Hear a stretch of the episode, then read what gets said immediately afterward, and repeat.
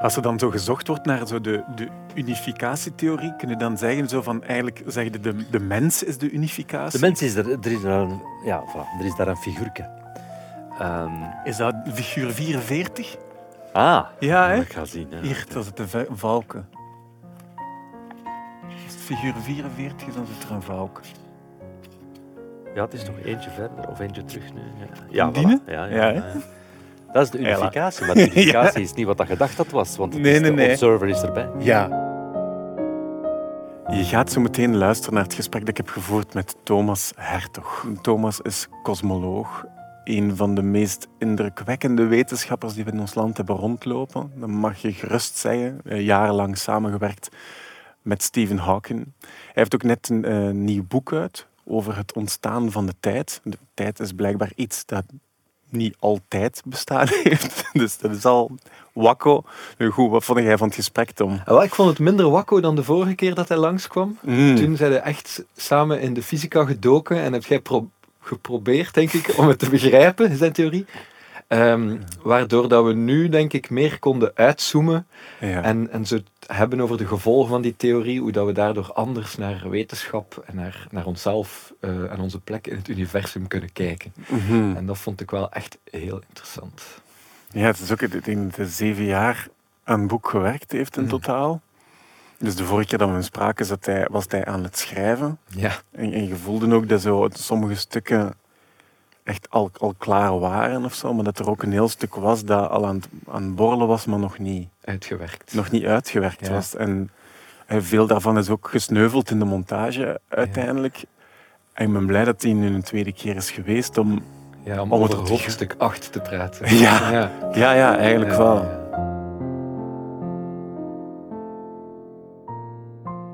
Ik schat dan zo, ik weet niet, in in het middelbaar is dat zo 14, 15 dat je door hebt van ik heb talent in die richting.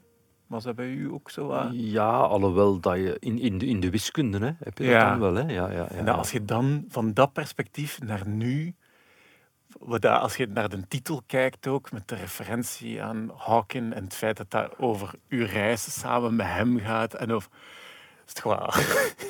Een traject. Ja, het is toch bonkers en zo. Fucking cool. Hey, Ja, het- ja. We hebben echt letterlijk, als we het ook over de inhoud van het boek bezig waren, zonder u stroop aan de baard te willen smeren of zo, maar ik dacht, echt cool dat jij in onze studio komt zitten. Op zo'n fanboy-achtige manier. Oprecht, hè? Dank u. Ja, nee, nee. ehm, maar ik sta daar zelf ook soms. Ja, toch. Dat je zegt van, allee, dat is nu echt geklikt. Mhm. Die... Uiteindelijk is dat twintig jaar vroeten geweest. Hè? Eh, Mhm. en zeker als jonge onderzoeker begin je te vroeten hier en daar. En, en, en je wordt dan wel wat op sleeptouw genomen. Maar ook Hawking had in het begin geen antwoord. Mhm. Wat gaan we nu aanpakken met die paradoxen van het multiversum? Ja. En ehm, ja, dat is heel verbazend dat dat nu toch geklikt is in dat soort... Wat ik dan een beetje dat Darwiniaanse denken noem Ja. in de kosmologie. Ja. En, en zelfs straffer. Je kan nu bijna afvragen, allee, hadden we dat nu niet vroeger kunnen bedenken? Ja, we hadden er samen meer plezier van gehad. Bijvoorbeeld. Bijvoorbeeld ja. ja. ja. Nee, nee, nee, maar wat ik bedoel... We weten eigenlijk al, al 90 jaar dat, dat er iets schort aan ons intuïtieve notie van tijd. Mhm. We denken dat tijd er gewoon is. Mhm. Eh, we nemen dat aan. We ja, een mens, je moet ook gewoon door het leven gaan. Dus, eh, Ja, contextuele zekerheden zijn voilà. Dus handig. check the box. Ja, een tafel is een tafel en ik kan er mijn glas op zetten. Ja. Voilà. Ruimte is ruimte, tijd is tijd. We kunnen aan de slag. Ja. Maar sinds die ontdekking van Lemaitre in 1931, Mhm. dat eens dat tijd opgenomen was in dat relativistische denken van Einstein en dus ook echt iets fysisch, iets kneedbaars wordt, iets relatief. Mhm. De klok van de ene waarnemer is niet de klok van de andere waarnemer die anders beweegt. Dat is waar dat die relativiteitstheorie naar verwijst. En dan gaat Lemaitre daarmee aan de slag en hij komt tot de conclusie de meest dramatische conclusie ooit dat je kunt voorstellen. Tijd heeft een oorsprong. Ja. Dus dat probleem dat, dat we tijd niet zomaar dogmatisch mogen aannemen als iets wat dat er op een of andere manier gewoon is, Mhm. ligt al eigenlijk op tafel sinds 1931. Mhm. Natuurlijk, Lemaitre heeft niet gezegd, ja, wat, wat nu? Wat moeten we daar nu met, mee doen? Mhm. Dus dat, was, dat was eigenlijk een gigantische conclusie, maar ook een gigantische eh Achilleshiel van heel de kosmologie. Want nog Einsteins theorie, nog iets anders, kon dan eigenlijk zeggen wat dat er gebeurde. Mhm. Dat is wat we nu in dit boek doen. Hè. Mhm. Maar dus, op het moment dat je beseft dat tijd er niet zomaar is, en dat tijd iets fysisch is, en dat tijd, dan is het toch maar eigenlijk een kleine stap om te denken van, wow, misschien zijn die natuurwetten die we voor zekerheden aannemen, misschien zijn die ook onderdeel van een grotere, ruimere evolutie. Dat Ja. is nu in retrospect wat, wat dat inzicht van Lemaitre, eh, Ja. wat we nu beseffen Ja. en wat ik uiteenzet in dat boek. Maar eigenlijk liggen de zaadjes van dat inzicht Ja, dat al. wel even. Ja, Maar als je een, keer, een, een keer dat je je sleutels vindt, is het logisch dat ze daar lagen. Ja, ja, ja, Ah, ja, natuurlijk. natuurlijk. maar zolang dat je ze niet gevonden hebt. Absoluut. En het heeft heel veel te maken met het feit dat de fysica absoluut niet klaar was voor, voor Ja. dat soort van probleem. Ja. De hele fysica, Einstein, Newton inclusief, is altijd uitgegaan van Mhm. eh, een soort van formulering van de natuurwetten als onveranderlijke Ja, waarheden. Vanuit het is- grote perspectief. Zo. Right, Ja. right. Maar ook persoonlijk, als je zo de... de, de- je maakt ergens in het boek, beschrijft je soorten onderzoekers of soorten wetenschappers. En je de, de mol gebruikt enerzijds, aan de andere kant de cartograaf. En dat, dat Steven echt zo'n cartograaf was, als een overzicht. En, en dat die mollen op pad stuurden eigenlijk. Hij zo van, jij gaat daar zoeken, jij Ik gaat... dat zei jij. Ja. ja, ja, ja. En dat is, ja, dat is ook een heel dienende rol, denk ik. Wat dat met zo'n figuur waarschijnlijk ook wel makkelijk is om die rol te vervullen. Ja, ja, ja, ja. Maar, maar nu, ja, met dat hij sterft, ja, heeft gestorven is een, naast het persoonlijke verlies, maar dan ook dat boek schrijven, waarin dan een stuk, ja. ja. ook, ook, ook zelf naar die cartografenpositie gaat. En, Tuurlijk. Dit boek is een cartografisch ja, ja. boek. Maar dat lijkt mij ook wel Dat is een, heftig of zo. Eh, Persoonlijk, van die stap te zetten. Heftig, ja. Ja en nee. Ehm,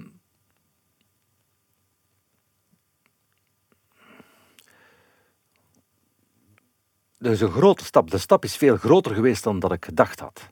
Mhm. Naïef als ik was, maar ja, we moeten een beetje naïef zijn in, in mijn business uiteindelijk, hè, van, van die cosmologie. Ehm, dacht ik van oké, dat staat hier wel allemaal ongeveer in onze artikelen. Die, dat, hele, dat hele nieuwe denken, die nieuwe visie. Ja. En, maar dat gaat niet. Hè. Je, ik kan, ik, je, je kan die artikelen niet nemen en een beetje breder schrijven en de techniciteiten weglaten en daar een verhaaltje rondspinnen. Dat cartografisch perspectief is echt iets anders. Mhm. Dat is echt een beetje die diepere vragen, die ehm, bijna humanistische vragen, van waaruit Ja. dat ook wetenschap en kosmologie en kunst opborrelen, Ja. om die een keer centraal te, zeggen, te zetten. Maar als je dat doet, ja, dan ben je niks met je wetenschappelijke artikelen. Dan moet je eigenlijk heel je verhaal kneden vanuit die vragen. Ja. Ehm, dus ik heb dat leuk gevonden. Ik heb dat, ik, dat was een hele nieuwe manier van denken. Ehm, ik denk dat dat een beetje is, dan, dat, dat, dat zeg ik niet in mijn boek, hè, maar Steven is toch ook niet als cartograaf begonnen. Hè. Hij is ook als een molletje begonnen. De eerste tien jaar van zijn, van zijn onderzoek Ja. waren uiteindelijk eh, zeer technische zaken. Volgens mij is eh, Hawking, eh, heeft hij de omslag naar het cartografische denken gemaakt, laat ons zeggen, met Brief History of Time. ja. Ongeveer dezelfde, op dezelfde leeftijd, hè, aan, aan 45 jaar. Het is ook bijna een opdracht. Dit boek is ook bijna een opdracht die hij... Hebt de eerste zinnen las ik bij hen aan, aan de keukentafel geschreven, als ik me niet vergis. Ja, weer al ja en nee. Dus Steven was nogal goed in het geven van opdrachten natuurlijk, hè, aan, aan zijn molletjes. Eh, ehm, maar we hadden allebei wel door dat dat eh, perspectief op, de, op het heelal van binnenuit, hè, dat we zo wouden ontwikkelen, eh, ergens. Hè, dus die, ja, kan het niet anders zeggen, als bijna de menselijke conditie daar ergens toch terug in de vergelijking krijgen, eh, zonder de boel op te blazen. Ehm, we hadden allebei wel door dat dat, dat, dat, ja, dat, dat aan het klikken was. Ehm, en dus in zijn, in, zijn, in zijn cartografische strategie was het uiteraard tijd voor een, voor een nieuw boek. Natuurlijk, ja, hij is dan gestorven, hij is dan enfin, bijna incommunicado geworden. Ehm, en ik vraag me natuurlijk wel af, ja, wat zou hij nu vinden van dat boek? Hè, ehm, Ja. uiteindelijk door die, door die grotere vragen centraal te stellen en ons verhaal vanuit die invalshoek te vertellen, heb ik dat wel wat verder kunnen pushen. Die, dat laatste hoofdstuk. ehm, Dat is echt een feest. Is, hè. Ik heb het u gestuurd ook. Dat laatste hoofdstuk is echt... vond je dat goed? Ja, ik vind dat echt... ik- zelf als mensen het wat ontoegankelijk vinden of zo. Van zo, begin met hoofdstuk 8. Zo. En, en dan, Ja. dan is ja. dat ook wel een reden om zo in die andere hoofdstukken te gaan checken van... Uh, uh. ja, maar... Ja, ja, Wat- ja. Wat is er nu gebeurd eigenlijk? Ja, what the fuck. Ah, wel ja, dus dat laatste hoofdstuk heb ik natuurlijk niet met hem kunnen bespreken. Ja. Daarom ook, eh, scenari vanuit scenaristisch oogpunt, heb ik daarover nagedacht uit, over mijn boek. Steven, Mhm. Steven sterft Mhm. in mijn boek op het einde van hoofdstuk 7. Mhm. Dus dat hoofdstuk 8 is iets dat voortvloeit, net omwille van die andere aanpak, omwille van die, die cartografische aanpak om ons verhaal te vertellen. En dus dat hele idee dat, eh et ben voilà, nu komen we terug bij Lemaitre, dat bij de oorsprong van de tijd, bij de oerknal, dat dat niet zomaar de oorsprong van de tijd is, maar ook de oorsprong van natuurwetten Ja. ja, dat is natuurlijk wel heel bijzonder dat ik dat eigenlijk gewoon als vanzelf naar dergelijke conclusie wordt geleid, opperlend vanuit die wetenschap. Want wij zijn natuurlijk niet de eersten die dat zeggen. Hè, Hannah Arendt eh, eh, ging eigenlijk op zoek naar, een, eh, naar- dergelijke Ja. finitude, maar natuurlijk, ja, je kunt, ze, ze vond dat niet in de wetenschap. Ja. Ehm, dus ja, dat dat natuurlijk wel fantastisch geweest om dat met Hawking te bespreken.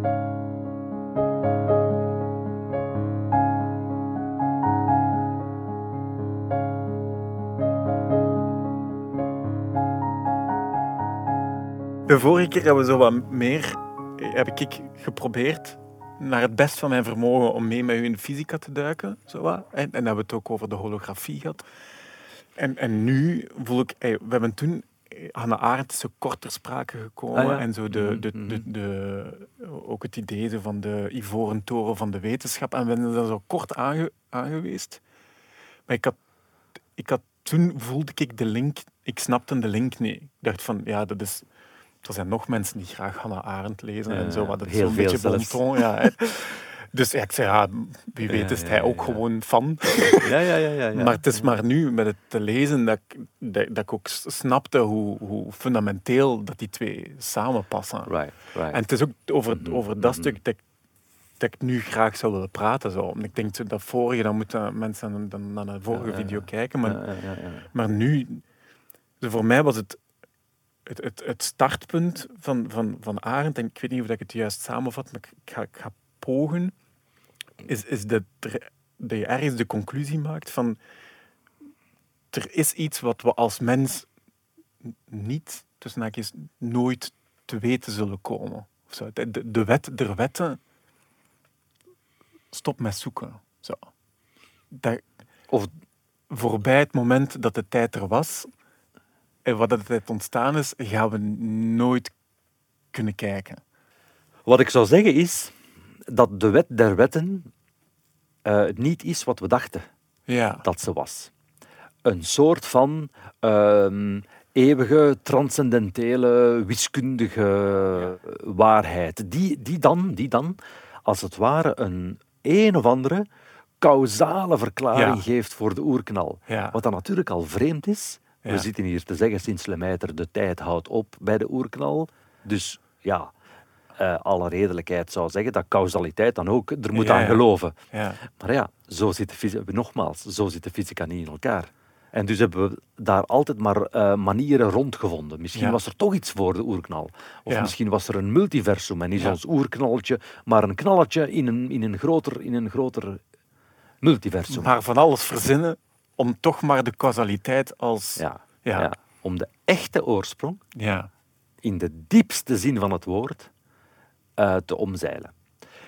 En voilà, dat is eh, denk ik de kern, wetenschappelijk dan, die ehm, de theorie die ik ontwikkeld heb met Hawking van alle andere theorieën onderscheidt. Wij hebben Ja. een wiskundig model gevonden, ontwikkeld, waarin die oorsprong eh, ongelooflijk fundamenteel is. Waarin die oorsprong zijn, ja, verankerd zit en waarin, dat die, waarin dat die tijdsdimensie als het ware verdampt en, met, en daarmee ook alle notie van natuurwetten. Dus we hebben eigenlijk Ja. een nieuw soort van natuurwet ontwikkeld die, ja, om het nu een beetje cru te zeggen, zichzelf kan vernietigen bij de oerknal. Je gebruikte daarnet het woordje Darwiniaans. Je Ja. zegt van eigenlijk zijn de natuurwetten tot stand gekomen zoals eh, zodat de mens Ja. eh, tot stand is gekomen. Is je hebt variatie en selectie. Ja. Dus je hebt Ja. na, kort na de oerknal, als ik het goed begrijp, interacties, veel variatie, want er is een probabiliteit, dus er wordt van alles uitgeprobeerd, om het zo te zeggen. En dan vindt er een soort van selectie plaats, dat sommige interacties zichzelf versterken of zichzelf Het bestendigen. heelal observeert in zekere zin zichzelf en selecteert. Ja, het Ja, het creëert van- zich een emergent... Ja, het is een soort van pro- proces waarbij, ook hele korte evolutie, hè, maar die tijd heeft daar op, op dat moment weinig belang. Ja. Het is meer zo de range van energieën die het heelal doorloopt. Het heelal koelt af, dijt uit en dat is een enorme range van energieën die doorlopen worden. En het is die range van energieën die in die, in die Darwiniaanse evolutie op het niveau van de natuurwetten de rol speelt van tijd. En dus je hebt eigenlijk een gigantische range en dus een gigantische ja. mogelijkheid om variatie en selectie te werken. Natuurlijk, die variatie en selectie, wij fysici hebben daar andere termen voor. Die speelt zich af op het niveau van de kwantumtheorie. En Ja. dat is het straffe. De kwantumtheorie aan zich, zelfs de kwantumtheorie van een deeltje, Mhm. beschrijft dat deeltje, of de werkelijkheid, ehm, op een soort van pre-existentieel niveau. Dat deeltje heeft niet echt een positie, zolang dat je niet vraagt, zolang dat je niet Mhm. interageert, zolang dat je niet meet waar dat het zich bevindt. Mhm. En dat is het cruciale gegeven. En dat, in die zin gaat die Darwiniaanse revolutie in de kosmologie dieper dan het Darwinisme, omdat die waarnemingsdaad in de kwantumtheorie is echt een actor, is een actieve component in het kneden van de realiteit, Ja, ja. die zich kristalliseert uit een gamma aan mogelijke realiteiten. Ja, maar dus als je... Ik, vond het een vrees schone quote ook. Het, eh, de, de, zonder vragen geen geschiedenis, denk ik. ja, dat, eh, ja, ja, dat, ja, eh, ja, ja. Maar dus dat, dat, dat, dat je, als jullie terugkijken in, in, in de tijd, eigenlijk, wat dat je eigenlijk doet, eh, Ja, ja, niks anders dan dat. ja, dat, dat door te kijken, dat, je de, dat door die observatie de, de oerknal eigenlijk ja, gecreëerd wordt Uh-huh. vanuit het nu. Mhm. Wat dat compleet... Hey, op, op zich lijkt, dat mega logisch, want in, de antropologie en zo wordt dat ook. We hebben hier antropologen aan tafel zitten en die zeggen van bijvoorbeeld het schrift is altijd heel dominant geweest in de geschiedschrijving. Als het ges- neergeschreven werd, dan had het meer gewicht dan als het mondeling is overgedragen. Dus er werd alleen maar naar schrift gekeken. Dus de geschiedenis, de gestolde geschiedenis, en die geschiedenis die, die gebruikt wordt om het heden ook vorm te geven, ja, die, die wordt vooral beïnvloed door alles wat dan neergeschreven is geweest. Maar antropologen gaan ook meer en meer op zoek naar wat dat mondeling is overgedragen. En door vragen te stellen aan die mondelinge erfenis, wordt die geschiedenis rijker en wordt die geschiedenis ook Geraffineerder ander- Ja, en anders. Ja, ja, ja, en ook ja. anders. Dus ergens door die vragen te stellen verandert die ook. Dat is ook niet zo gestold. Ja, ja, ja. En als ik, als ik uw boek lees, dan gebeurt het daar, maar op een veel fundamenteler... Op een fundamenteel niveau. Dus dat is het speciale. in- Inderdaad, ja, ja. Je, vindt, je vindt dat retrospectieve kantje Mhm. in alle lagen van de geschiedenis, hè, in alle Ja. lagen van de evolutie. Dat is heel duidelijk. Ehm, voor de beginnen al antropologen, biologen, ehm, geschiedschrijvers. Zij zetten zich allemaal binnenin het systeem natuurlijk. In de Ja. zin van, ze werken allemaal met bestaand materiaal, fossielen, geschriften en dergelijke, en ze reconstrueren ergens de geschiedenis. Er zijn heel weinig biologen of, of geschiedschrijvers die gaan zeggen van, oké, we gaan nu een keer een modelletje ontwerpen van het prille leven in het begin, vooruit in de tijd, en zien waar we uitkomen. Ja. Dat is zelfs een niet berekenbaar probleem, denk ik, in de biologie. Alle mogelijke levensbomen. Dat zou Ja. gigantisch zijn. Nu, de, de, de, de fysici en de cosmologen hebben dat nooit gedaan. Altijd gedacht van, we gaan dat hier kausaal oplossen. We gaan dat Ja. hier wel van in het begin zo Ja. deterministisch Als we bepalen. genoeg data hebben, dan kunnen we vooruitspoelen en achteruitspoelen en voorspellen wat het er was en zal komen. Ja. En, de- en natuurlijk, ja, nu, dat we, nu dat we die kwantumtheorie van, van die microscopische wereld en met die waarnemingsdaad beginnen toepassen op de oerknal, waar, ja, waar, waar de kwantumtheorie belangrijk wordt, ehm, zien we inderdaad zien zien we ineens dat die, dat die ex post facto blik van de biologen en de geschiedschrijvers ja, Mhm. de, de juiste is en de natuurlijke blik is. Ehm, crazy, maar het straffen is natuurlijk, alleen dat heeft mij vooral geboeid, dat de kwantumtheorie, die we al, die we al hadden, Mhm. ja, dat die die blik verweeft, dat die, dat die, dat die ons eigenlijk de oplossing gaf. Dat die, dat die een, een opening creëerde om die kosmologie op een niet-deterministische manier te herdenken. Ja. En door het feit dat die waarneming en die, dus die, die prille interactie in die primitieve fase belangrijk is, het is van daaruit dat dat kwantumdenken eh, die finitude ook vervat. hè. Dus die eindigheid, dat die kwantumtheorie ergens zegt van ja, die een oerknal, dat is, ook, dat is dan ook hoe ver dat we kunnen reiken. Ja. Dat, hoe ver de geschiedenis terugreikt. Daar, wat gebeurt er? Losjes kan je eigenlijk zeggen van dat de kwantumtheorie met die onzekerheid, dat alles wat er eh, voor de oerknal of buiten ons heelal gebeurt, als het ware in onzekerheid vervaagt. Mhm. Dat is een heel ander beeld dan als je u buiten het heelal zet en zegt van voilà, dat is het heelal. Ik kan hier alles beschouwen. Mhm. Een soort van dat nieuwe Darwiniaanse perspectief laat u toe om. En dus dat is de kwantumtheorie die ons dat vertelt, stelt, dat, dat is wat je daarnet zei, stelt grenzen aan wat we kunnen weten. Ja. Dat is toch fantastisch dat Ja, die dat theorie dat in zich draagt. Dat Ja. die theorie ons als het ware beschermt. Ja, voor uw eigen nieuwsgierigheid. Ongelooflijk toch? Ja, ja, ja, dat is ongelooflijk. Ja. Beschermt om te veel te willen weten. Dat is toch super vreemd. Ja. En door die bescherming, door die finitude in te bouwen, kom je er sterker uit. Mhm. Want het is net omwille van dat expliciete model van de oorsprong, het is dat dat ons toelaat om nieuwe voorspellingen op een eh unambiguous, hoe zeg je dat, op een duidelijke, op een eenduidige manier te maken. Mhm. Hoezo? Het is een beetje zoals bij, weer al, hè, bij de Darwiniaanse evolutie. Je vertrekt daar wel van één common ancestor. Hè, de, de, de, Ja. de, de Luca wordt die soms genoemd. Hè. Mhm.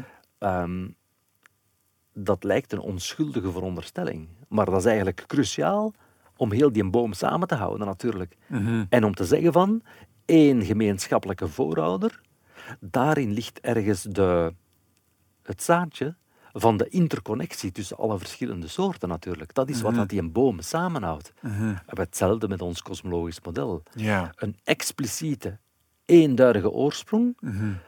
laat u toe om de samenhang, om de verbanden tussen de verschillende facetten van ons heelal eh, te voorspellen en te, en, en, en te bestuderen. En dat is wat je dus niet kan eh, in het multiversum.